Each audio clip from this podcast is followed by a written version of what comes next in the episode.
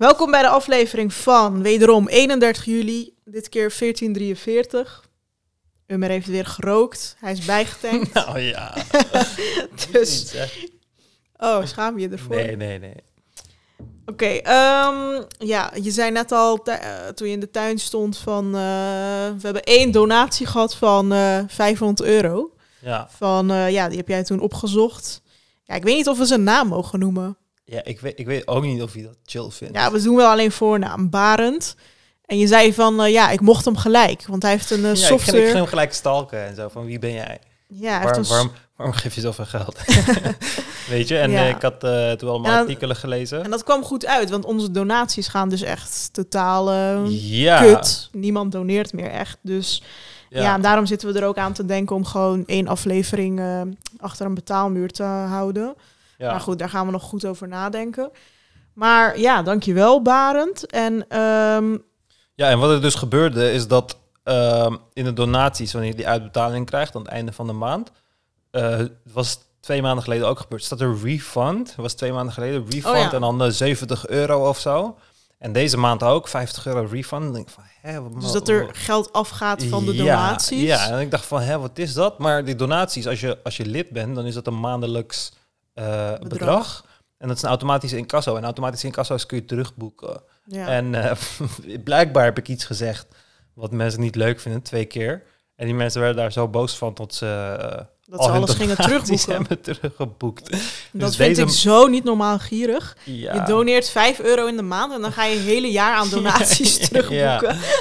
ja, volgens mij kan het tot twee, drie maanden terug of zo. Dus, Ja, eh, je kan gewoon- drie maanden lang terugboeken Ja, inderdaad. hebben ze gewoon alles teruggeboekt. En deze maand was echt verschrikkelijk. Like, oké, als je boos bent geworden, ga gewoon weg. Maar ga niet zo gierig doen dat je Ja. alles weer terug gaat boeken. Ja, ja maar dat is ook jammer. Kijk, ja, het, het, want je gaat gewoon veel meer mensen. Kijk, als we gewoon, als we gewoon de rechtse talking points hadden, dan is het, zijn mensen gewoon veel meer geneigd om te doneren. Omdat, Ja, klopt. ja, dan is het van, oh, we worden bedreigd. Of, eh, Ik weet dat wat. ook van vrienden, ik ga geen naam noemen, maar die hebben ooit een eh, podcast gemaakt, wat ja, best wel rechts was. En ze, wa- ze hadden veel minder views dan ons en ze kregen veel meer donaties. ja. ja, want ze verkondigen de waarheid. Die wordt on- onderdrukt en zo. Dus eh, nee. Nee, je hebt gewoon veel meer mensen op, op, eh, ja, in dat spectrum die ja, een soort van bereid zijn dat helemaal te steunen en zo. Je ziet het toch bij Raisa en zo. Ze krijgt gewoon 6000 likes per domme tweet, weet je Ja. wel. Dat Ja. krijgt niemand aan de linkerkant, hoor. En het is ook, kijk, die doelgroep die je, die je dan selecteert, zeg maar, die je hebt gefilterd, die hebben dan een groep gecreëerd van enorm goedgelovige mensen. Ze checken, ze dubbelchecken niks van wat je zegt. Ze Ja. geloven alles gewoon. Zelfs als het eerste Google-resultaat een fact-check zou zijn van Reuters of weet ik veel wat, dan denk je gewoon van, ja, nee, dat is gewoon mainstream media die onzin doet. Dus het is de perfecte doelgroep om ook shit aan te verkopen, weet je? Van, oh, eh, weet ik veel, er gaat hongersnood, dus eh, koop nu. In Amerika doen ze dat, dan verkopen ze emmers, chum buckets noemen ze het.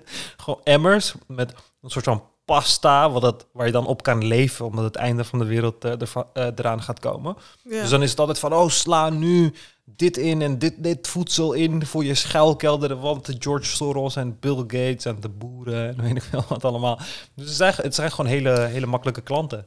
Er is één politicus die nooit zijn neveninkomsten opgeeft in de Tweede Kamer. Ja. Dat heeft een hele grote goede reden. En dat is natuurlijk Thierry Baudet. En hij is zelfs daardoor een paar keer gewaarschuwd met schorsing en zo. Maar hij doet het alsnog niet. Ja, En het is gewoon heel duidelijk dat hij gewoon waarschijnlijk eh, miljoenen aan donaties krijgt. Het lijkt dat je gewoon zoveel kan doen. Je krijgt zoveel vrijheid om zulke duivelse dingen te doen. En dan nog steeds is het van, nee, dictatuur, vrijheid van meningsuiting.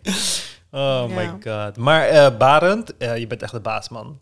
Echt de Ja. baas. En eh, Barend Ja, is ook, eh, ik denk, Barend heeft zijn geld verdiend omdat hij het racisme-probleem in, tijdens solliciteren wilt oplossen. Heeft opgelost voor hele grote bedrijven. Netflix is een cliënt van hem, ook de Albertijn bijvoorbeeld. Door eh, cv's en sollicitatiegesprekken, of eigenlijk cv's overbodig te maken, door, het hele, door de hele sollicitatieprocedure soort van gamifyen. Dan zetten ze soort van games op voor bedrijven die dan eh, s- eh, applicanten, sollicitanten testen op bepaalde vaardigheden. En dan gebruik je dat als filter om te kijken of iemand bijvoorbeeld stressbestendig is of snel kan typen of whatever. Ehm, dan is dat jouw filter in plaats van iemand die een lijst afgaat met namen en leeftijden. Mhm. Dus dan word je ook niet gediscrimineerd op je achternaam of op je leeftijd of hoe je eruit ziet en dat soort dingen. Ja. Dus eh, dat is een eh, hele mooie manier om je geld mee te verdienen. het zou En, echt eh, zoiets zijn wat ik jou ook zie bedenken. Ja, maar daar, da- daarom zeg ik ook, ik mocht hem gelijk. Ik, echt, echt, echt mooi. Waarom Dat- heb jij dat niet bedacht, man? Dan waren we nu... ja, omdat Barend daar blijkbaar heel veel beter in was. Maar ehm, Ja. ja. ik vind dat echt mooi. Dat is echt een, eh, ja, voor mij mag je daar een miljarden voor verdienen. Dat vind ik eh, absoluut niet erg. Ja. En het feit dat hij dan ook... eh, kijk, als Barend eh 5 euro had gedoneerd... en ik wist dat Barend zoveel geld had gemaakt... dan had ik Barend echt een klootzak gevonden. Maar hij doet het ook in proportie. En dat is, dat is heel mooi. Heel vaak vergeten mensen dat. Dus als ik nu een euro voor je geef... als ik in de toekomst tien keer zoveel verdien... dan hoor mij voor, horen mijn voor je 10 euro te zijn. En, oh ja, dat eh, zei je ja. Toen jij pizza bezorger was in rijke buurten, Ja, kreeg we- je soms gewoon geen fooi. ja, we gingen altijd vechten om die rijke buurten. En heel veel van die rijke mensen die hadden het door. Je dacht van oké, weet je, ik ben rijk, dus ik moet 5 euro voor je geven in plaats van 1 euro. Maar je had ook heel veel rijke mensen die gewoon een euro gaven. En dan denk ik van, grap, er staan drie auto's voor de deur. je kan toch wel, ik ben 16 man. ik heb net ge- ge- gereden door de fucking, door de fucking regen. Ja. Weet je, en dan krijg je een euro of helemaal niks. En natuurlijk, het is ook niet verplicht om te geven of zo. Maar ik geloof wel dat als iedereen die mentaliteit Je aanhoudt... vindt dat mensen een verantwoordelijkheid hebben als ze geld Absoluut. hebben. Kijk, je moet gewoon een bepaald percentage hebben van... je- Een per- percentage in je hoofd van... hey, dit is het bedrag dat ik op de, op de bank heb. Laten we zeggen, je bent een normale werker. Je krijgt, weet ik veel, 2500 euro op de bank. denk je van, oké, 20 euro in de maand ga ik uitgeven aan... eh, of 25 euro in de ma- maand ga ik uitgeven aan het goede doel. Dat is een percentage. En dat percentage moet je gewoon vasthouden. Ja. En wanneer je bedrag dan... al En als ja. inderdaad alle rijke mensen dat zouden doen, Ja. zou het zoveel verschil maken. Ja, ja, inderdaad. Je kan iemands leven en, en probeer het ook in plaats van goede doelen en zo, probeer ook dingen in je directe omgeving te doen. Want je kan mensen hun leven echt. eh, vooral, ik, heb wel, ik heb wel een leuk verhaal eigenlijk dat ik wil vertellen wat onlangs is gebeurd. Een, een, een vriend van mij, Matthé, is een jonge kerel, 22, ADHD'er ook. Hoe heet die, Die- Matthé? Matthé, ja, hij is Kroatisch. Matthé Ingola, voor de mensen die hem kennen. Maar hij eh, gaat af en toe eh, bootjes varen, gaat hij cliënten varen en zo voor geld op andere mensen hun boten. Doet hij gewoon, werkt hij als een kapitein. Gewoon als, als side job, als student. En ehm, hij ging dus iemands boot varen, ging die klanten rondvaren, dit en dat. En da- nadat die klanten waren afgestapt, vroeg hij die man van... Hey, eh, mijn vriendin komt zo, vind je het goed als ik mijn vriendin even, even rondvaar, weet je? Mhm. Dus die meneer ook van, ja, tuurlijk, geen probleem. Dus hij varen met zijn vriendin, natuurlijk niet opletten, stoer doen.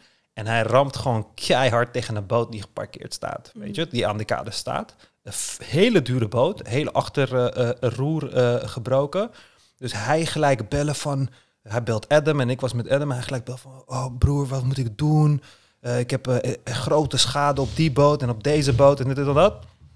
En Adam zei gewoon van, luister, kalmeer, wees gewoon eerlijk. Hij was ook weggevaren en, door, eh, en hij had niks gezegd. En Adam kreeg gelijk foto's binnen van, yo, iemand heeft net een boot eh, aangereden en weet ik veel wat. Want de hele grachtengordel... Kunnen ze daar überhaupt achter komen als je weggaat? Zeg maar iedereen, er is, er is een, er is een WhatsApp-groep in Amsterdam waar iedereen die op het water, die een boot heeft op het water, zit in die WhatsApp-groep. Mm. En als er iets gebeurt op het water, heb je gewoon een foto. En Adam Ja. ontving, oh, ontvangde gelijk foto's van eh, die jongen die, die dus was weggereden. De Matthé was dus weggevaren. In paniek. En toen Adam gebeld. En Adam zei gewoon van, wees eerlijk, bel die mensen op. Ga, probeer de eigenaar te vinden van die andere boot. Geef je contactgegevens, dat soort dingen. En toen, eh, ja, hij was er helemaal kapot van. De schade lag in de duizenden euro's. En het is een student die echt bijna niks verdient. Weet je, die eh, woont op zichzelf, die moet gewoon heel hard werken. En eh, uiteindelijk is hij gewoon eerlijk geweest. Is hij bij de jongens gegaan, heeft hij een betalingsafspraak gemaakt. Wilde hij het zo snel mogelijk afronden. Met eh, 100 euro in de maand wilde hij betalen met beide partijen. En een van die partijen heeft hem toen opgebeld. En die heeft gezegd van, hé hey, kijk, toen ik even als, als jou eh, was, heb ik een, eh, fout gemaakt die ongeveer, die een beetje hierop lijkt. Dat heeft grote gevolgen gehad voor hoe mijn leven daarna is, eh, is gegaan. En ehm, je bent heel netjes geweest met de manier waarop je dit hebt eh, eh, afgehandeld. Dus daarom hoef je helemaal niks te betalen. Weet je? En ik dacht van dat, het feit dat die persoon dat heeft gedaan voor Matthé, voor die jongen, zal hem veranderen voor het leven. weet je. Veranderen voor het leven, want hij heeft het goede gedaan. Hij heeft het goede gedaan. Hij, heeft niet, hij is niet weg, weggerend en dit en dat. Hij heeft zijn verantwoordelijkheid genomen. Hij was bereid om, hoe zwaar de straf ook is, de straf uit te zitten, te betalen als het ware. En hij heeft er soort van vergiffenis voor gekregen. En dat vergiffenis kost die jongens, weet je, uiteindelijk wilden ze de boot zelf repareren, dus het gaat ze niet heel veel geld kosten. Kost ze misschien 1000 euro, maar die 1000 euro is veel minder voor hun. Het zijn gewoon jongens die geld hebben dan voor een student, weet je, wiens leven het best wel zou impacten. En dat gaat ervoor voor zorgen dat die jongen voor de rest van zijn leven, in elk, elke keer als hij in, in zo'n situatie belandt, gewoon helemaal eerlijk gaat zijn. Echt puur en eerlijk gaat zijn. En, en dat beseffen heel veel mensen niet. Dat hele kleine dingen die jij doet voor andere mensen, omdat jij het beter hebt dan anderen, die mensen voor het leven kan veranderen. En dat jij gewoon betere mensen op aarde neerzet, zeg maar. Weet je, mensen leren van de acties van andere mensen. Dat is hoe, eh, hoe, we, hoe we opgroeien, als het ware. Dus eh, ja, dat heb ik heel mooi gevonden. En eh, ik zelf had gewoon weggevaren. Want ik heb er twee maanden naar Duitsland gemaakt. Weet je, op die leeftijd. Had Ja. ik 100% dat gedaan. Want dan wist ik gewoon van, yo, ik, eh, wat, wat verdien ik per maand? 500 euro, weet je? En dan moet ik eh 1000 euro's aan schade betalen. Ja, gaat het niet worden. Maar ja, gewoon eerlijk, eerlijk zijn. En dan ja, vind je gewoon goede mensen op de wereld. En ehm, dat Ja. verspreidt gewoon. Nee, ik zou gewoon eerlijk zijn en het gewoon betalen elke maand. Ja, Want ja, dan leef je maar op eh, brood en water. Maar eh, ja, je hebt gewoon een fout gemaakt, weet je. ja, En daardoor ga je ook leren. Want dan ga je het gewoon niet meer, niet meer onoplettend rijden, zeg maar. ja. Ja, en dat was voor die mannen blijkbaar genoeg. Gewoon zien dat hij die intentie had, was voor hen al, al meer dan genoeg. En ja, dat is meer straf. Dat, dat- ik bedoel, dat is meer straf dan dat hij nodig had. En eh, ja, hij heeft zijn ja, lesje is wel heel, geleerd. heel lief in Ja. ieder geval, ja. Ja. Sowieso. Oh, en die andere partij, die andere boot die kapot was gegaan, heeft exact hetzelfde gedaan. Alleen op een wat minder lieve manier. Die hebben gewoon gezegd van, yo, we sturen je later de rekening. En het uiteindelijk gewoon nooit meer een rekening gestuurd. Mm. dus daar zijn ze gewoon helemaal eh, goed mee eh, afgekomen. Daarom man, goedheid. In de, oh, dat doet, dat, ik krijg gewoon helemaal een warm gevoel van. weet je, ik vind dat echt, ik vind dat echt, ja, ik weet niet, als ik dat soort mensen zie, krijg ik wel eh, meer hoop eh, in de wereld. Ja, sowieso. Dus eh, ja, dank je Barend. Je hebt soms ook van die donatieacties. En dan is er, weet ik veel, voor een operatie zoveel nodig. En dan hebben ze gewoon tien keer zoveel kijk, opgehaald of zo. Dat vind ik jammer, want het gebeurt in Amerika vaak. En dan is het van, oh, deze persoon moet deze operatie hebben, maar die operatie kost zoveel. En we hebben, die operatie kost vijf ton. Jee, we hebben vijf ton opgehaald. Is er een nieuwsbericht. En denk ik van, ja, maar nu is het goed nieuws. Maar dit hoort slecht nieuws te zijn, want waarom kost het vijf ton? waarom? In eer, leuk dat het bedrag is opgehaald in, in deze particular case, die media-aandacht heeft kunnen krijgen. Maar waarom kost het vijf ton? Ja. Dus het wordt veranderd in, goed, in, in positieve, een positief nieuws. Terwijl dit is, dat is wel het nieuws dat negatief moet blijven. Want daar moet op gefocust worden. Waarom de fuck kost het vijf ton? En Ja. ja. ja, dus dat zijn vaak van die tactieken die ze gebruiken. Dat vind ik wel wat eh, minder. Maar eh, ja. In Turkije is het volgens mij ook eh, duur, toch? Operaties en zo. Ja, Daar had je vroeger altijd series over. ja, als je geen... eh, als je geen... er, er loopt een heel snel lopend beestje over mijn laptop. Geen idee wat het is. Oh. Maar als je geen verzekering hebt, dan ja, ben je de lul. In Amerika is het hetzelfde. Maar bijvoorbeeld Oekraïne, daar is heel veel geld voor opgehaald. Ja, Dus dat geeft ook wel wat aan dat mensen echt niet allemaal met, met hunzelf bezig zijn, zeg maar. ja, ja natuurlijk. Ehm, even kijken hoor. Jij had een stikstofcursus gemaakt, geloof ik. Heb je die nog? Ja, zullen we een stikstofpresentatie doen? Ja. Dan moet ik hem daar even op het scherm zetten. Dan moet ik hem even aansluiten. Want ehm, ja, heel veel mensen, zoals eh, waaronder ik, ja, ik snap het gewoon allemaal niet. Dus leg het me uit, alsjeblieft. Oké. het, is, het is echt lang dat ik een PowerPoint-presentatie heb gemaakt, maar het is gewoon grappig. Wat de fuck is stikstof? Zie je dit nu in beeld? Nee, maar ik ga het allemaal erbij zetten, zodat het wat smoother is. Ja, het is lang geleden dat ik een PowerPoint-presentatie heb moeten volgen. Ja. Nou, oké, ik ga stikstof, stikstof uitleggen. En ik ga echt alle kanten op, zoals altijd, want het is gewoon fucking interessant. Oké? Maar als het moeilijk wordt, ga ik je wel even, Ja. even stoppen. Oké, we gaan beginnen met. Ja, we gaan beginnen met de Wel bouw. Jip en Janneke taal. Ja, dus we gaan beginnen met eh, het lichaam. Oké, het menselijk lichaam. Dus als je kijkt naar waar het menselijk lichaam voornamelijk uit bestaat, dan is dat zuurstof, koolstof, waterstof en stikstof. Nitrogen is stikstof. Dus zuurstof, koolstof, waterstof en stikstof. Zuurstof en waterstof samen, dat maakt water. Dus voor 75% besta je uit water. En voor de rest heb je koolstof en stikstof. En als je kijkt naar wat wij nodig hebben om te eten, bijvoorbeeld, wanneer wij eten, dan heb, jij, heb je koolhydraten en je hebt vetten. En als je kijkt naar koolhydraten en vetten, die ziet er heel gecompliceerd uit. Maar je ziet C'tjes, O'tjes en H'tjes. En bij vetten zie je ook C'tjes, O'tjes en H'tjes. Dus de C, de carbon, dat is die 18%. De O'tjes, 65%. En de H'tjes, de 10%. Dus uit de koolhydraten, de naam zegt het al, kool, dus koolstof en hydra van hydrogen, zegt het al, eh, en vetten, daar halen we dat alles eh, vandaan, zeg maar. Al die voedingsstoffen. En waar komt die stikstof dan vandaan? Weet je, waar, waar halen we dat vandaan? En we hebben koolhydraten gehad, we hebben vetten gehad. Dan heb je natuurlijk eiwitten. En in eiwitten, zoals je kan zien, heb je hier een N in plaats van de eh, O en de H en de C, heb je een N erbij. En daar heb je die stikstof voor nodig. Dus alle levende wezens op aarde hebben stikstof nodig om eiwitten te maken en om DNA te maken en om RNA te maken. Dus wanneer politici tegen je zeggen van ehm, mensen zoals Baudet, die het ook bij CO2 zei, van stikstof is hartstikke goed. Het klopt. Het is een benodigde eh, eh, bouwsteen voor het leven. Maar wanneer er te veel stikstof is, roepen dat stikstof goed is, is alsof je kind aan het verdrinken is. En dat je dan gewoon roept van, hé, maar water is gewoon goed voor mensen, weet je. Dus, ehm, dus eh, oké, de- en dan heb je de ver- verschillende cyclussen. Dus we gaan het vandaag over de stikstofcyclus hebben, maar je hebt de carboncyclus, dus dat kennen we, CO2 in de lucht. Dat verandert in planten. En wij eten de planten en wij ademen weer CO2 uit. Dat is een CO2-cyclus. Watercyclus kennen we. En dan heb je nog de stikstofcyclus. Daar heb je een leuke video van.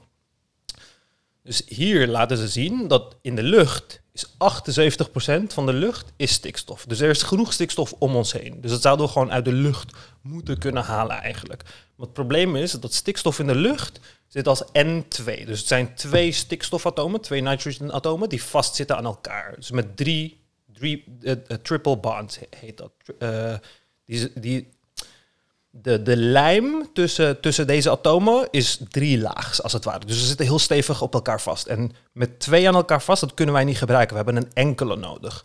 Dus wat doet de natuur? Eh, even kijken. Dus wat doet de natuur? In de grond heb je dus bepaalde bacteriën. En die bacteriën kunnen die stikstof uit de lucht opeten en in, omzetten in stikstofverbindingen. Dus ammoniak en nitraten en nitrieten. Dus dat doen al die bacteriën in de grond. En deze vormen van stikstof kunnen dan opgenomen worden door de plant. En de plant kan die stikstof dan gebruiken. Dus stikstof is heel erg belangrijk voor de plant.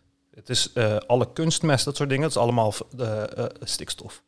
Dat is dus wat Baudet altijd zegt. Van, ja, groeien er juist planten van. Ja, het is, het is kunstmest. En dan, en dan eh, val- eh, die stikstof valt, weet je, een blad valt eraf en een worm die eet dat en dan wordt het weer gerecycled. Of wij eten dat en wij poepen dat weer uit en dan wordt het weer gerecycled.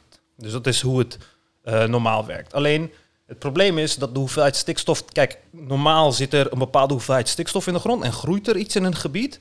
Maar wanneer je dan gaat doen aan landbouw, dan ga je heel zoveel mogelijk groeien op een oppervlakte. En wat je dan krijgt, is dat na een paar oogsten zit er geen stikstof meer in de, grond. En dat gebeurde in de 19e eeuw. Toen had je de bodemuitputting. Overal op aarde, eh, de menselijke populatie groeide. En overal zagen mensen dat landbouw steeds slechter werd. En heel veel, eh, dus heel veel landbouwlocaties werden ook steeds verplaatst. We gingen ergens heel lang eh, voedsel groeien. Mensen gingen daarvan eten. Daarom moet je toch braak laten liggen? Of eh, hoe noem je dat? Ja, je moet, je, moet, je moet switchen de hele tijd, weet je. Dus Ja. mensen, mensen gingen steeds eh, ehm, eh, verplaatsen, de Dat landbouwgronden doen ze ook in. Turkije in het dorp van mijn ouders. Ja, ja dus het, het was een heel groot probleem. En ehm, er, er, er bleek, er, er, er, ja, er was dus heel veel van het on, ja, unfertilized ground, zeg maar, on, hoe heet dat? Onvruchtbaar. onvruchtbare grond, als het ware. En toen kwamen, toen kwamen mensen op de ontdekking van poep. Oké, poep is perfect, want in poep zit stikstof. Alleen het probleem van poep was dat er in poep niet genoeg stikstof zit. eh, eh, om het heel erg goed werkend te maken. Zoogdieren hebben niet heel erg veel stikstof in de poep. Het is vaak 0,5% of zo. Toen kwamen ze met een veel betere oplossing. Vogelpoep. Want vogels, net als Mushu, die pissen en poepen samen, zeg maar. Dus je hebt wit en zwart. En in pis zit heel veel ammoniak. En dat is gewoon stikstof. Dus vogelpoep kun je heel erg goed gebruiken om... Maar eh, vogelpoep is toch maar heel weinig. ja. Dus wat gebeurde er? Nou, toen eh, in, in Zuid-Amerika heb je dus eilanden rondom Peru waar heel veel zeevogels zitten. En zeevogels eten heel veel eiwitten. En als je heel veel eiwitten eet, dan omdat eiwitten uit stikstof bestaan, gaat jouw poep ook veel stikstof hebben. En omdat Peru, eh, omdat het een eh, warme omgeving is, de eilanden waar deze vogels leven, wordt de, eh, wordt, wordt de poep niet weggespoeld door regen en dat soort dingen, maar verhard. Dus dit is bijvoorbeeld een steen van vogelpoep. Oké? En dit noemen ze guano. En di- dit guano was zo fucking goed, zo fucking, ehm, ehm, ja, eh, zo'n goede fertilizer, zo'n goede vorm van kunstmest, dat het ervoor kan, zo- eh, zorgde dat je vier tot vijf keer meer eh, product uit een stuk grond kon, kon halen dan voorheen. Maar omdat de hele wereld dit wilde, want de hele wereld heeft honger en overal is de grond aan het af, afzwakken, ontstonden er eh, poepwetten. Dit waren de eerste poepwetten. Het heet eigenlijk de Guano Islands Act. Maar ik noem het de poepwetten, want dat hou je beter. En het was een van de oudste wetten van Amerika, 1856, waarin ze steten dat als jij een eiland vindt die ongeclaimd is, als er vogelpoep op is, dan mag jij die eiland claimen voor Amerika. En de- deze wet geldt nog steeds. dus eh, Wacht, als er een eiland ja, als er een onbewoond eiland is die nog niet behoort tot een land, maar er is guano op, dus er is vogelpoep op, dan mag je... Maar we hebben toch nu al alles ontdekt? Ja, nu hebben we al lang al alles al ontdekt, maar eh, de, de regel is er nog steeds. Weet je, dus als er opeens een eiland ontstaat en een vogel poept erop, dan, eh, dan eh, ja, komt het goed. Maar ja, daar na een tijdje begon de poep op te raken, want ja, wij zijn mensen en we gebruiken heel veel. hele industrie ontstond er in Peru en om, om, omliggende landen. Ehm, en er ontstond de, de, de grote poepoorlog. Het is de Chincha Islands War. Islands, Islands War. Maar de grote poepoorlog klinkt gewoon beter. Eh, het was tussen 1865 en 1879. En eh, ja, Spanje had de guano-productie eigenlijk in handen volledig. En eh, het was, het was ja, een van de eerste oorlogen die werd gevoerd voor vogelpoep. Puur omdat het nodig was om de wereld te, te voeden. Dus dit is zo'n advertentie van vroeger. En dan zie je soluble Pa- Pacific guano for wheat, oats, barley, corn, high-grade standard reliable fertilizer. Weet je, een mooie advertentie. En toen, zei, eh, toen begon guano ook op te raken. Er ontstonden oorlogen en weet ik veel wat. Poep was op. Zo was de poep op. Ja, eh, na een tijdje hebben we gewoon zoveel eh, vogelpoep geoogst. En het leuke van mensen is ook, toen we daar kwamen en hele fabrieken gingen omzetten, die al die steen of verharde poep, zeg maar, in, in eh, zakken gingen ver- eh, verpakken. Eh, dachten ze van, hey, we hebben wel heel veel vogels hier in de buurt. Die kunnen we wel eten als we hier toch een tijdje gaan blijven wonen. En toen gingen ze ook alle vogels eten. Waardoor die ook eh, met uitsterven werden bedreigd. Dus dat is eh, hoe de mensen eh, normaal doen. Dus poep raakte op en de wereld in paniek. En eh, de wetenschappers kwamen daar als eerst achter. En eh, Sir William Crookes, het was een Britse eh, chemicus, eh, volgens mij hoofd van de British Ro- Royal Society, die zei toen van England and all civilized nations stand in deadly peril of not having enough to eat. As mouths multiply, food resources dwindle. It is the chemist who must come to the rescue of the threatened communities. It is through the laboratory that starvation may ultimately be turned into plenty. The fixation of atmospheric nitrogen is one of the great discoveries, awaiting the genius of chemist. Dus hij legt hier uit dat een chemicus erachter moet komen hoe je stikstof uit de lucht omzet in fixed nitrogen. Dus zo'n enkel atoom, zoals ammonia of nitriet of nitraatsoorten. Dat een, eh, een chemicus dat moet doen. En het is een leuke quote. Laat zien dat wetenschappers, eh, weet je, over de wereld, de- aan de wereld denken en eh, weet je, mensen in leven willen houden en zo. En dit is ook de quote die je vaak in de literatuur vindt, maar het is niet echt een leuke quote. Want de echte quote is eigenlijk: The fixation of nitrogen is vital to the progress of civilized humanity, and unless we can class it among the certainties to come, the great Caucas- Caucasian race will cease to be the foremost in the world and will be squeezed out by the races to whom wheaten bread is not the staff of life. dus vroeger was die codes best wel tiki racistisch. Tiki white, nation, white, nation, eh, white superiority, weet je. Dat laat ze altijd weg in de literatuur, vind ik, vond ik jammer. Maar eh, ja, iedereen was vroeger gewoon racistisch natuurlijk. en eh, toen, dan kwam, toen kwam deze man in beeld. Frits Haber, dat was een Joodse Duitser, chemicus ook.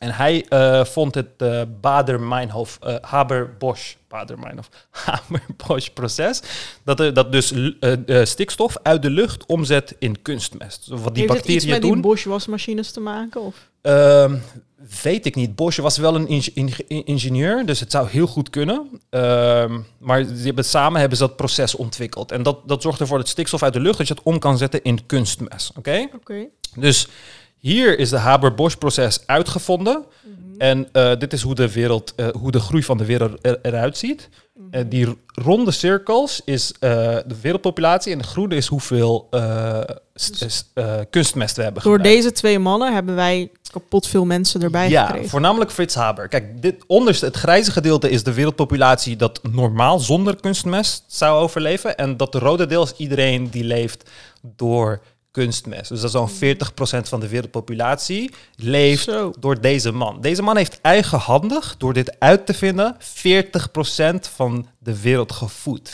van de luisteraars hebben hun leven te danken aan deze meneer met zijn gekke brilletje. Weet je? En die andere met die, met die gekke snor Ja, en ook? Bosch. Ja, Bosch. Eh, Nee, die andere niet. Nee, Deze, die andere de- niet. Deze niet. Oh, nee. Die racist eh. Oké, dus, dus dat, oké. Eh, en eh, oké, dus dat, dat heeft hij uitgevonden. Hij, hij heeft de wereld gered als het ware. Maar eh, hij was met verdere dingen bezig in het lab als chemicus. En een van de dingen, Duitsland was op dat moment in de Eerste Wereldoorlog verzeild geraakt. Dus hij werkte op de chemische wapensafdeling. Maar hij was Joods. Ja, maar in de Eerste Wereldoorlog had ze nog niks tegen Joden natuurlijk. Ah. Dus Eerste Wereldoorlog ging hij chloor, had hij chloorgas uitgevonden. En eh, om te gebruiken... niet op met Ja, om, de- om, om te gebruiken op troepen. En dat was de tweede slag om Ypres. eh, veldslag in het voorjaar van 1915 in de Eerste Wereldoorlog. Dus Maar dit is juist een negatieve uitvinding. Ja, exact. En dat is het, het mooie aan het verhaal. Dat is waarom ik het verhaal wil vertellen. Waarom moest hij het verpesten? Hij heeft chloorgas uitgevonden en dat werd toen in België gebruikt tegen Belgen en Nederlanders waarschijnlijk. Ik weet niet wie er allemaal waren, misschien Fransen. En hij ging daar toen kijken van hoe goed dat chloor... Het was gewoon een experiment, hoe goed dat chloorgas ging werken. En het werkte heel goed. Het zorgde ervoor dat je longen zo geïrriteerd raken... dat ze vullen met water en je verdrinkt, Godver. zeg maar. Ja. En eh, ja, dat ging hij ging daarnaar kijken. Het was een mooi succes. Eh, dit is zijn vrouw, Clara Immerwaar. Eh, ook een chemicus, briljante vrouw. Een van de eerste vrouwen die een PhD heeft gekregen. En ehm, ja, zij was acht jaar of zo samen met hem. En na zijn chloorgas-expeditie, eh, ja, zij was het totaal niet eens met het feit dat hij chemische wapens ging ontwikkelen. Kijk, daarom moeten dingen. vrouwen premier worden overal. Exact, exact. Ik vind, ik vind het zo jammer dat zij minder bekend is dan hem. Maar eh, ze hebben een, een discussie en eh, zij zegt van, ja, waar de fuck ben je mee bezig, stop hiermee. En hij wil niet stoppen. En zij gaat naar de tuin en pakt een pistool en zet het op haar borst en schiet zichzelf neer.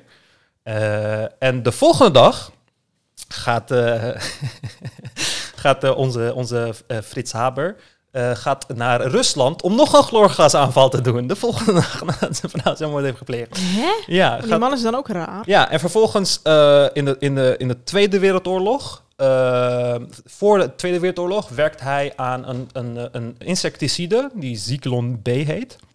En toen de Tweede Wereldoorlog begon, werd hij, omdat hij Joods is, Duitsland uitgegooid. Hij was super patriotic, weet je, super nationalistisch, heeft heel veel gedaan voor het land. Maar, omdat Maar dat mocht Joods niet is- baten. ja, omdat hij Joods is, moest hij weg. En eh, werd Zyklon B gebruikt eh, om de Joden te vergassen. Ehm, dus deze meneer heeft eigenhandig en de, waarschijnlijk de beste ontdekking ooit gedaan voor de menselijke populatie. De ontdekking van kunstmest. En tegelijkertijd het gas dat zijn eigen volk heeft uitgeroeid. Zijn dochter heeft eh, later gewerkt in chemische labs om antigiffen te vinden voor chemische wapens. Waarschijnlijk uit schuldgevoel. Maar die heeft eh, daarna ook zelfmoord gepleegd. Zijn zoon ook, die heeft ook zelfmoord gepleegd. Dus als je erachter komt dat je vader en het werelds grootste savior, maar ook Death himself is, zeg maar. Ja. Moet dat best wel knagen aan je, aan je bewustzijn. Maar Weet je wat echt faya is? Nou? Dat zijn eigen volk. Ja. Door zijn eigen uitvinding. ja, dat is ja. zo erg. Maar het laat ook zien dat wetenschap of technologie, het is niet goed of slecht. Het kan voor alles gebruikt worden. En eh, je kan de grootste, kijk, ik bedoel, met nucleaire technologie kun je atoombommen bouwen, maar ook nucleaire reactors, weet je. Dus het is heel, eh, daarom is het een heel mooi verhaal. En, eh, maar goed, dat is hoe, hoe, hoe stikstof werd, kunstmatig stikstof, kunstmatig mes werd uitgevonden. Dus wij vinden het uit, wij pompen er zoveel van. Het is het, volgens mij echt een paar procent van de elektriciteit, de energie in de wereld wordt gebruikt om kunstmest te maken. Het zijn eh, gigantische hoeveelheden. En, eh, maar wat doet die stikstof nou dat zo erg slecht is? Nou, een van de dingen die je dus krijgt is, omdat je de hele tijd stikstof aan het gebruiken bent, die bacteriën waar we het eerder over hadden, die dus stikstof uit de lucht pakken en omzetten in bruikbaar stikstof, die beginnen te sterven, want je bodem begint te verzuren. Je moet je voorstellen dat je x hoeveelheid stikstof in de grond zet en dat daar waarschijnlijk maar 10% van wordt opgenomen in de plant en de rest blijft gewoon in de grond. Dus eh, door de tijd krijg je heel erg veel stikstof in de grond en wanneer het Maar je regent... kan het toch gewoon minder erin zetten? Ja, dus door de jaren heen hebben mensen, eh, he- heeft Nederland, eh, dus, dus in de jaren negentig al besloten om kunstmesthoeveelheden te verminderen. En dat hebben we in Nederland ook gedaan. En daarna is men begonnen om meer dierlijk mest te, te gebruiken. Vroeger werd eh, diermest gewoon uitgereden over het veld, maar dan gaat het stikstof ook in de lucht en dat soort dingen. Dus nu wordt het gepompt in de grond. Maar we hebben al die maatregelen genomen, maar de hoeveelheid koeien is wel gestegen, als het ware. De hoeveelheid dieren is wel gestegen, waardoor je weer al die eh, positieve effecten weer teniet doet, zeg maar. Omdat je hoeveelheden Maar groter wacht. zijn. In koeienpoep was er toch weinig Ja, stikstof? er is weinig, maar je produceert zoveel koeienpoep. dat het veel is. Exact, want je Mm. hebt echt gigantisch veel veedieren. En dus oké, je krijgt voeds, eh, je krijgt grondverzuring, dus de bacteriën in de grond gaan dood. En dat zijn niet de enige bacteriën in de grond. Je moet je voorstellen dat de grond zit vol met tientallen, duizenden soorten organismen die samenwerken. Dus de bacteriën die ervoor zorgen dat bepaalde mineralen en vitami- eh, bepaalde mineralen en elementen beter opneembaar zijn door de plant, sterven ook uit. En dat is één van de voornaamste redenen waarom groente en fruit steeds minder eh, voedzaam is. Waarom de hoeveelheid calcium of de hoeveelheid ijzer steeds vermindert. Omdat je je grond doodmaakt. Je grond wordt na een tijdje dood, waarbij het verslaafd raakt aan kunstmest. Omdat het niet meer zijn eigen stikstof kan produceren in deze kleine hoeveelheden, omdat het gewoon doodgaat, is het verslaafd aan, moet je het eh, stikstof blijven voeden? Moet je het eh, kunstmest blijven voeden, zeg maar. En eh, dat, dat, die, die, veel van die stikstof, dat spoelt ook weg. Het regent, dat spoelt vervolgens in water. En dan krijg je eutrofiëring. En dit is een plaatje dat heel veel mensen eh, ehm, herkenbaar, dat heel veel mensen bekend zou, zou, hoe zeg je dat? Moeten zijn. ja, bekend zou moeten zijn voor veel mensen. Maar dit is niet goed. Dit is niet gezond. Dus wat, jij, wat je krijgt wanneer je stikstof of fosfor of kalium... Want kijk, we hebben het nu over de stikstofcrisis, maar we hebben ook de fosfaatcrisis gehad. Hè? Mensen moeten niet vergeten dat we veel van deze crisis hebben gehad, al jarenlang. Alleen dat deze gewoon de meeste aandacht heeft gekregen. Maar Het wanneer is gewoon water met heel veel groen erop, toch? ja. Ja. maar wat er dus uiteindelijk gebeurt, is dat wanneer, je, eh, wanneer al die voedingsstoffen in het water lekken, dan krijg je te veel voedingsstoffen in het water. En iedereen, dus die aflevering over school had ik ook gezegd van elke klas zou een aquarium moeten hebben, omdat iedereen die een aquarium weet, weet dit. Want als je een professioneel aquarium hebt, dan meet je de nitraatwaardes in het water, de ammoniawaardes in het water. Want als er te veel voedingsstoffen zijn, dan ga je veel te veel algengroei krijgen. En dat is wat we in veel wateren in Nederland hebben. Algen bedekken de bovenkant van het water, die pakken alle zonlicht. En alles wat daaronder is, ontvangt nul zonlicht. Alles wat daaronder is, is dood. Het is gewoon een en al dood. Daarom de bodem zou ook bestaan uit eh, organisch materiaal dat gewoon naar poep ruikt, dat gewoon moerassig ruikt, omdat de bacteriën het niet eens kunnen eh, eh, afbreken, omdat er, er gewoon geen energie down there. Het is gewoon donker. En dat is dezelfde reden waarom we steeds elke zomer steeds meer te maken hebben met dingen zoals blauwalg in onze zwemwateren, omdat er dus veel te veel voedingsstoffen daar zitten. En die stikstof, dat waait ook over, of het spoelt ook over naar natuurgebieden. En wat het daar doet, dus Baudet zal je dan vertellen dat eikenbomen en hazenbomen groeit. Maar stikstof groeit voornamelijk drie dingen. Dat is brandnetels, bramen en gras. En die mogen allemaal de tering krijgen. Weet je? Dat is gewoon, ik Bramen? haat... Ja, bramen ook. Kijk, als eh, Amsterdammers zullen dit weten, Amsterdamse bos, de drie dingen die het meest zal tegenkomen is brandnetels, bramen en gras. En alle drie dingen zijn gewoon, die gaan heel erg lekker op stikstof. En die verdringen alle andere soorten die je in de natuur hebt. En in de meeste natuur, kijk, het, het gaat de meeste mensen niks zeggen. Omdat als je de verschillende planten niet kent, dan valt het je ook niet op wat er eh, overal groeit. Maar in een gezonde omgeving heb je duizenden soorten planten om je heen. Overal verschillende soorten planten. En in, in Nederland heb je voornamelijk gewoon bijna monocultuur in de bossen. Waar je gewoon brandnetels hebt, berenklauwen, bramen en fucking gras. Wat ik gewoon... Ik heb gewoon een personal vendetta met gras. Dat haat ik gewoon. Wel handig voor voetballen. Ja, maar voor de rest is het gewoon... Kijk, eh, gras biedt geen... Er leeft daar niks. Weet je, als je heel veel verschillende planten hebt... Kijk, elke plant heeft zijn companion animal... of zijn companion fungus, eh, fungi of zijn bacteria en dat soort dingen. En je wilt gewoon zoveel mogelijk diversiteit. Want dat is waar... eh, eh, dat Ja, we willen niet een hele wereld vol brandnetels, bramen en gras. Precies, en dat is wel wat we op de meeste plekken hebben. Want op de meeste plekken hebben we dus veel te veel stikstof. En kijk, op heel veel plekken zou het geen probleem zijn. Dus als je bijvoorbeeld in Oekraïne zou zou je nooit eh, een stikstofprobleem hebben. Want daar is de grond juist veel... eh, het, is- het is te arm eh, voor de planten ook die daar leven. Dus daar wil je juist overwaaiing van stikstof en dat soort dingen. Dus wat we hier doen zou prima kunnen werken ergens anders. Maar niet hier. Maar het komt dus gewoon omdat we te veel koeien hebben en omdat ze te veel poep. Ja, poepen. onder andere. Want kunstmestverbruik hebben we ook verminderd. Maar het lekt gewoon letterlijk uit stallen en uit poepopslag en weet ik veel wat allemaal. Oké, en, dan, en dan het volgende is waterkwaliteit. Dit is uit een studie. Zal ik het allemaal lezen? Het is wel lang. Maar het, zegt van... The Netherlands is one of the few countries in the European Union... in which urban wastewater treatment is in full compliance... with the Urban Wastewater Treatment Directive... including 100% compliance for tertiary treatment... targeted at the uh, elimination of nutrients. The average nutrient removal efficiency from mun- municipal wastewater was 84.5% for nitrogen en 86.8% voor phosphorus. Dus we voldoen aan 100% van de, de, de, wat, ze, eh, wat ze aanbevelen voor wastewater management, voor de riolering dat soort dingen. We verwijderen vier- eh, 84,5% van de stikstof. Er staat, kijk, despite over 99% of the wastewater being treated, the Netherlands has one of the poorest surface water qualities of the entire European Union, with 40% of its of its lake in a uh, moderate ecological sta- status and 60% having a poor or bad status. Dus het is gewoon groot deel van onze grondwater. Dat kun je hier ook zien. Kijk, hier zien we dus een landkaart van, met, eh, van Europa en met verschillende kleuren. En dan zie je welk percentage van je oppervlaktewateren, van je waterlichamen, water bodies, eh, ecologisch gezond is.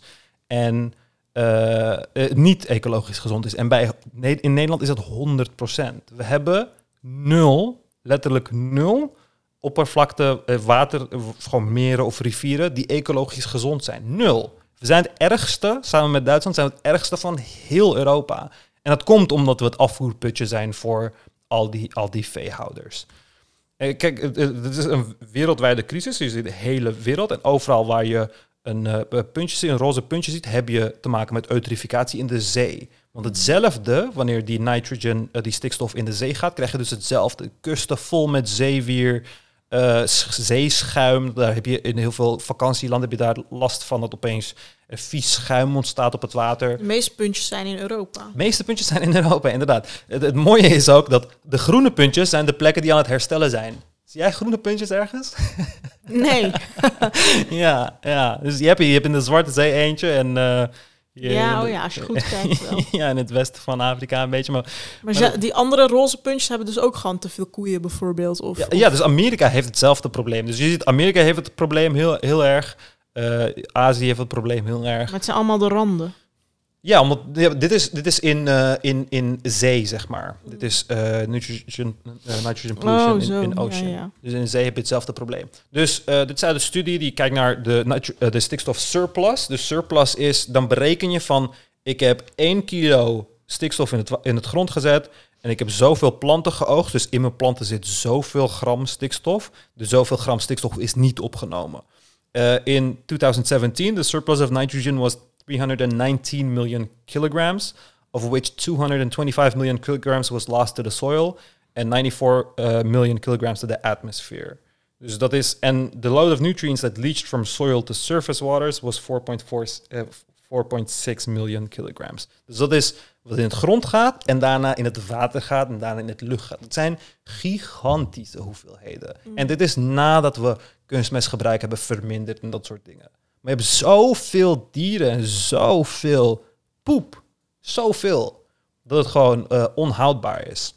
Dus als wij gewoon zeg maar minder vlees eten of gewoon minder dieren houden, Ja, dan is het opgelost. Ja, ja, ja, ja. En eh, ik nog een laatste. Ik ben eigenlijk, eigenlijk is die prestatie al klaar, maar er was nog een laatste. Moesje is heel zwart geworden. ja, omdat hij het koud heeft. Maar ik wilde dus. de deur dicht doen? Nee, hoeft niet. Hij moet sowieso slapen. Maar ik wilde dus dit laten zien. Dus dit is de hoeveelheid boeren in Nederland sinds 1950. Dus in 2016 had je een afname van 22 landbouwbedrijven per dag. Dat klinkt absurd. Ja. Als ze nu zouden zeggen van ja, als de regels gaan doorvoeren, gaan, we moeten 22 landbouwbedrijven sluiten per dag. Iedereen zou het gek vinden. Maar dat was in 2016 al het geval. Sinds 1950 is het al, geva- is het al, al een geval. Heb je een gigantische daling van landbouwbedrijven. Gigantische daling. Hebben wij in deze hele daling iets gemerkt van dat er iets verdween uit de supermarkten, dat er niet genoeg eten was of whatever? Nee, Nee. we hebben er helemaal niks van gemerkt. Er Sowieso is heel veel, niks van 60% van het eten uit de supermarkt is export. Ja, Of, maar eh, nee, import. Maar stel je voor dat al deze mensen, dat in 1950, toen je nog 400.000 landbouwbedrijven had, in plaats van 50.000 die we nu hebben, dat die mensen zeiden van nee, maar ik ben generaties lang boer geweest. ja. je moet boer kunnen blijven. En daarom is het zo een, een, een, een rare argument, weet je. Vooral wanneer je niet eh, begrijpt wat, al, wat die stikstof allemaal veroorzaakt, dan kun je heel makkelijk bang gemaakt worden. Gewoon deze simpele stat uit 2016. Zou Dus je wat ik me afvraag, hoe is het zo gekomen dat in Nederland zoveel boeren zijn? En bijvoorbeeld niet in Frankrijk of Duitsland of weet ik veel Ja, kijk, we doen heel veel dingen heel erg goed. Alleen je moet, kijk, niet alles kan overal. Ja. Weet je, je kan niet alles eh, hoeft hier. En je kan de, dezelfde technieken perfect ergens anders toepassen. En dan kun je exact hetzelfde doen wat je nu ook doet. Maar dan ben je opeens groen bezig. Omdat het in die omstandigheden wel passend is. Mhm. Alleen dat begrijpen mensen niet. Er is gewoon verandering nodig. Kijk, ik wil gewoon mooie natuur in Nederland. Ik wil gezonde water in Nederland. Ik wil niet dat mijn kleinkinderen nog steeds in fucking shitty water gaan zwemmen. Weet je? Ik wil gewoon dat ze in... Maar is dat het enige nadeel? Want het bedreigt toch ook gewoon de hele voedselvoorraad? Want als jouw grond alleen maar blijft verzuren en verzuren en doodgaat... Ja, maar en- het is ook een tikkende tijdbom. Want we zijn al... We zouden wat we nu aan het doen zijn, hadden we al in 19, 1990 moeten doen. Ja. Weet je? Dus Alleen- het is niet alleen maar van, zoals ze bij Roddelpraat zeiden, want daar hadden ze toch, ik had je toch dat fragment gestuurd van, ja, dan groeien er bramen, zo wat, weet je wel. Het is niet alleen dat, het Ja. is ook gewoon, Kijk, de natuur is een... Alles werkt samen in de natuur. Elke plant heeft zijn insect, zijn dier die erbij past. Elke boom heeft zijn paddenstoel of whatever. Zodra je die hoeveelheden gaat, eh, hoeveelheden gaat verminderen, de implicaties daarvan, de, de consequenties daarvan, kun je niet eens voor ogen zien. Dat is fucking absurd wat dat allemaal, allemaal kan veroorzaken, weet je. Omdat je een bepaalde... Weet je, weet je, je bent gewoon je grond aan het vermoorden, waarbij je naar een, een, een, een toekomst gaat waarbij je waarschijnlijk alles voortaan in kassen gaat moeten doen, omdat je grond gewoon onhoudbaar is geworden. Dus eh, ja, dit is gewoon de mentaliteit van eh, zo snel mogelijk cashen zolang we nog leven en eh, de, we laten de rest over. We laten de rest met onze afval. Maar Ja. ja, ik weet het niet. Oké, Ik hoop dat mensen ja, in ieder geval, ik hoop dat het in ieder geval een duidelijke eh, uitleg was over Ja, stikstof. zeker. En, en een hele grote wetenschaps-YouTuber, Veritasium, die heeft twee dagen geleden dit onderwerp uitgelegd en een deel van deze argumenten ook gebruikt. En ik wil hierbij zeggen dat ik deze, Lale weet dat, ik heb deze presentatie al twee weken klaarstaan. Ik heb het niet van hem overgenomen. zelfs, volgens mij, ja. Ja, maar het gebeurt mij altijd, weet je, dat ik met iets bezig ben en dan eh, gaat een of andere grote guy het veel beter doen. En dan denk ik, kut, nu lijkt het alsof ik hem heb overgenomen. Nee, jij Maar, neemt niks over. Ja, Nee, ja, dankjewel. Dat denk ik nu wel duidelijk. ja. Dus iedereen die nog pro-boeren was, hebben we nu eh, hopelijk overtuigd. Ja, ik wil, ik wil gewoon dat, dat... Kijk, als je deze dingen ook weet, zodra een bouwdet dan zegt van... Nou, maar stikstof is hartstikke goed voor die planten, joh. Weet je, dan denk van... Dan, dan hoor je gewoon gelijk, gewoon gelijk... Dan hoor je gewoon te horen van... Nee, maar de aarde is toch plat? Dat hoor je te horen. Het reactie dat je daarop krijgt, natuurlijke reactie die je hebt... hoor je ook daarop te krijgen. Want het is ook met CO2 zetten. Oh nee, CO2 gaan bomen zoveel harder van groeien, joh. Weet je? En het feit dat het werkt, zegt heel veel over de staat van educatie in jouw land, zeg maar. Ja, Dus, ja, eh, ja. Nou, dankjewel. In ieder geval. Ik vroeg me net af van, wat vindt Mushu eigenlijk lekker? Want bij een kat, als je zeg maar aait, dan vindt hij dat lekker. Hier. Oh, alleen dat. Ja. Oh ja, kijk, hij reageert er ook op. Ja. Oh, dat vindt hij echt heerlijk. Maar als je dit doet, dan vindt hij het niks, volgens mij. Ja, ik denk dat hij alleen niet heel veel voelt, omdat het Ja. hard is. Zo. Nu wilt hij meer. Het is een soort massage. Ja. Oké. ehm, ja, zoals ik eigenlijk net al zei, heel veel van wat er ligt in de supermarkt is eigenlijk eh, import. Mhm. En is helemaal niet afkomstig van eigen grond. Eh, daar hadden we het een beetje de vorige aflevering ook over, van avocado's. En we- oh ja, er was daar ook een comment op Ja. gekomen, toch? Die een beetje Ja. het tegendeel eh, beweerde. Ja. Zal ik die even voorlezen? Ja, anders? lees maar voor. Even kijken, ik had het jou gestuurd, dus ik ga even zoeken.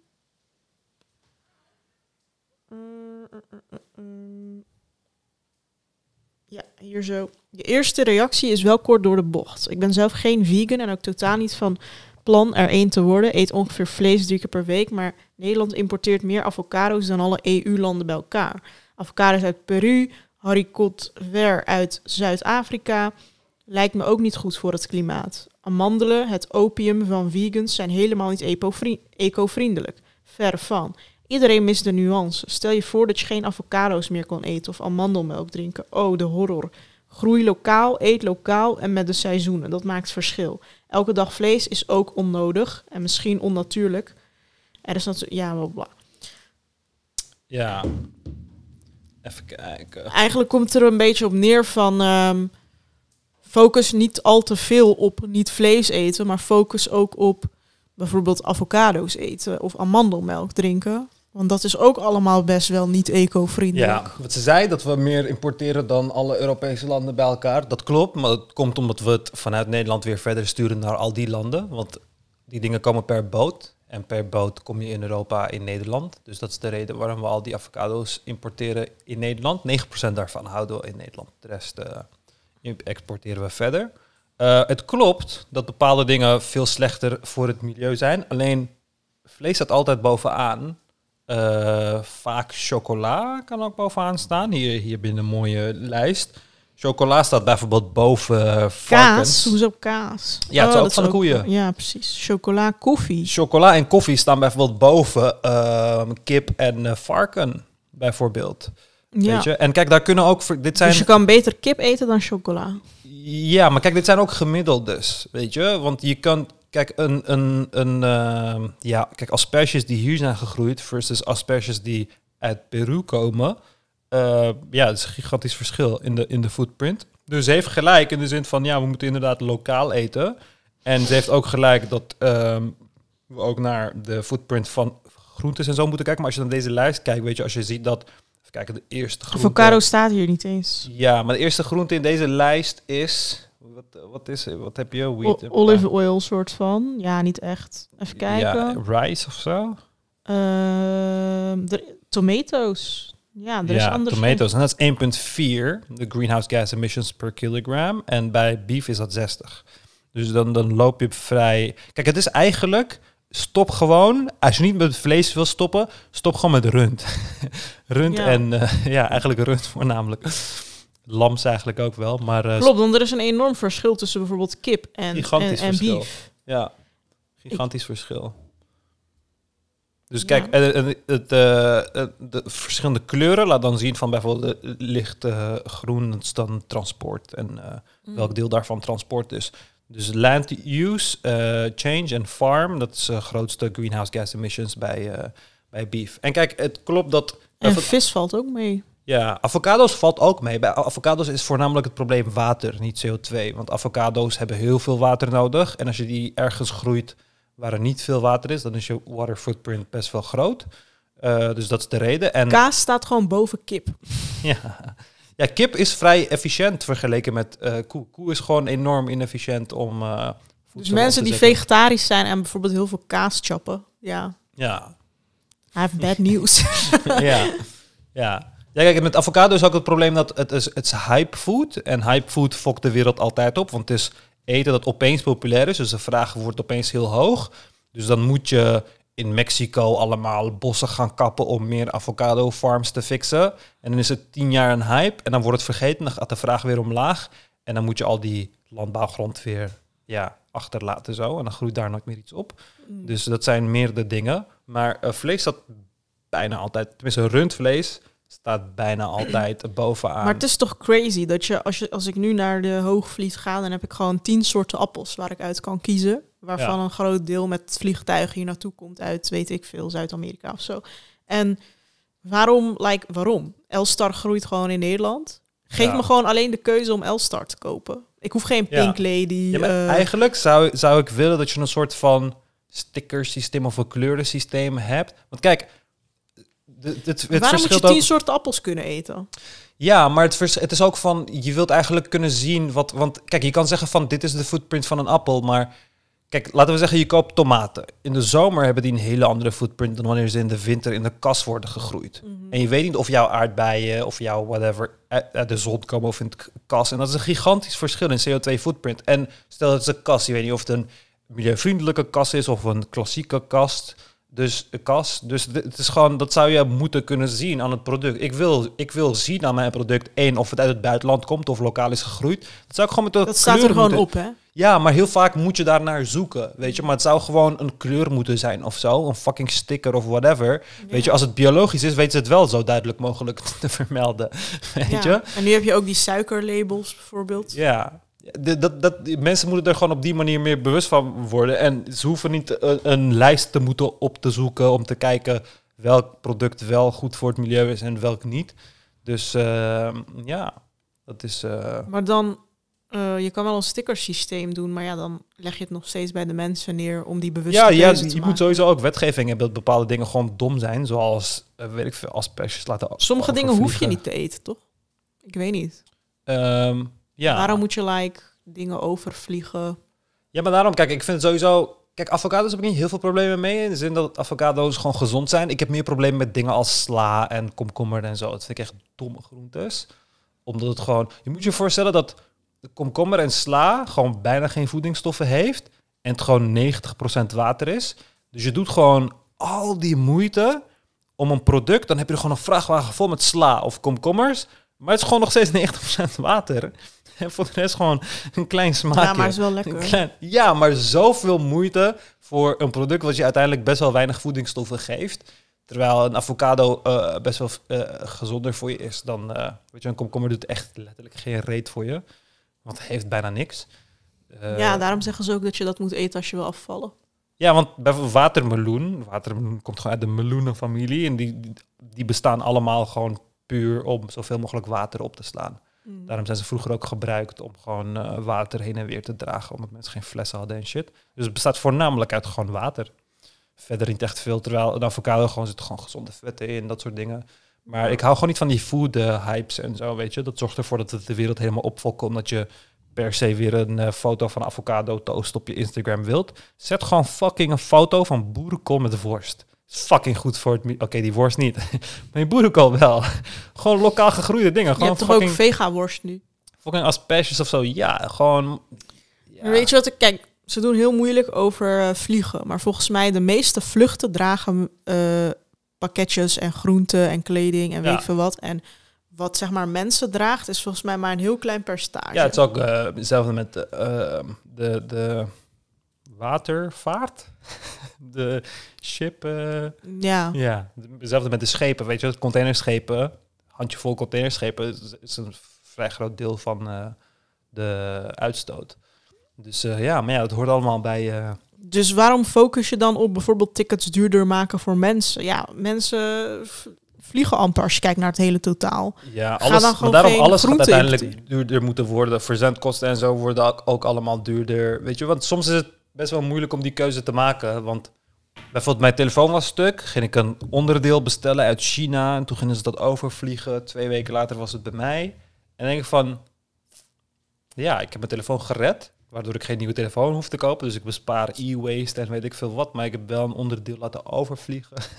Weet je, dus het is heel lastig dilemma, om... eh, ja, en soms is het niet, niet eh, vanzelfsprekend, weet je.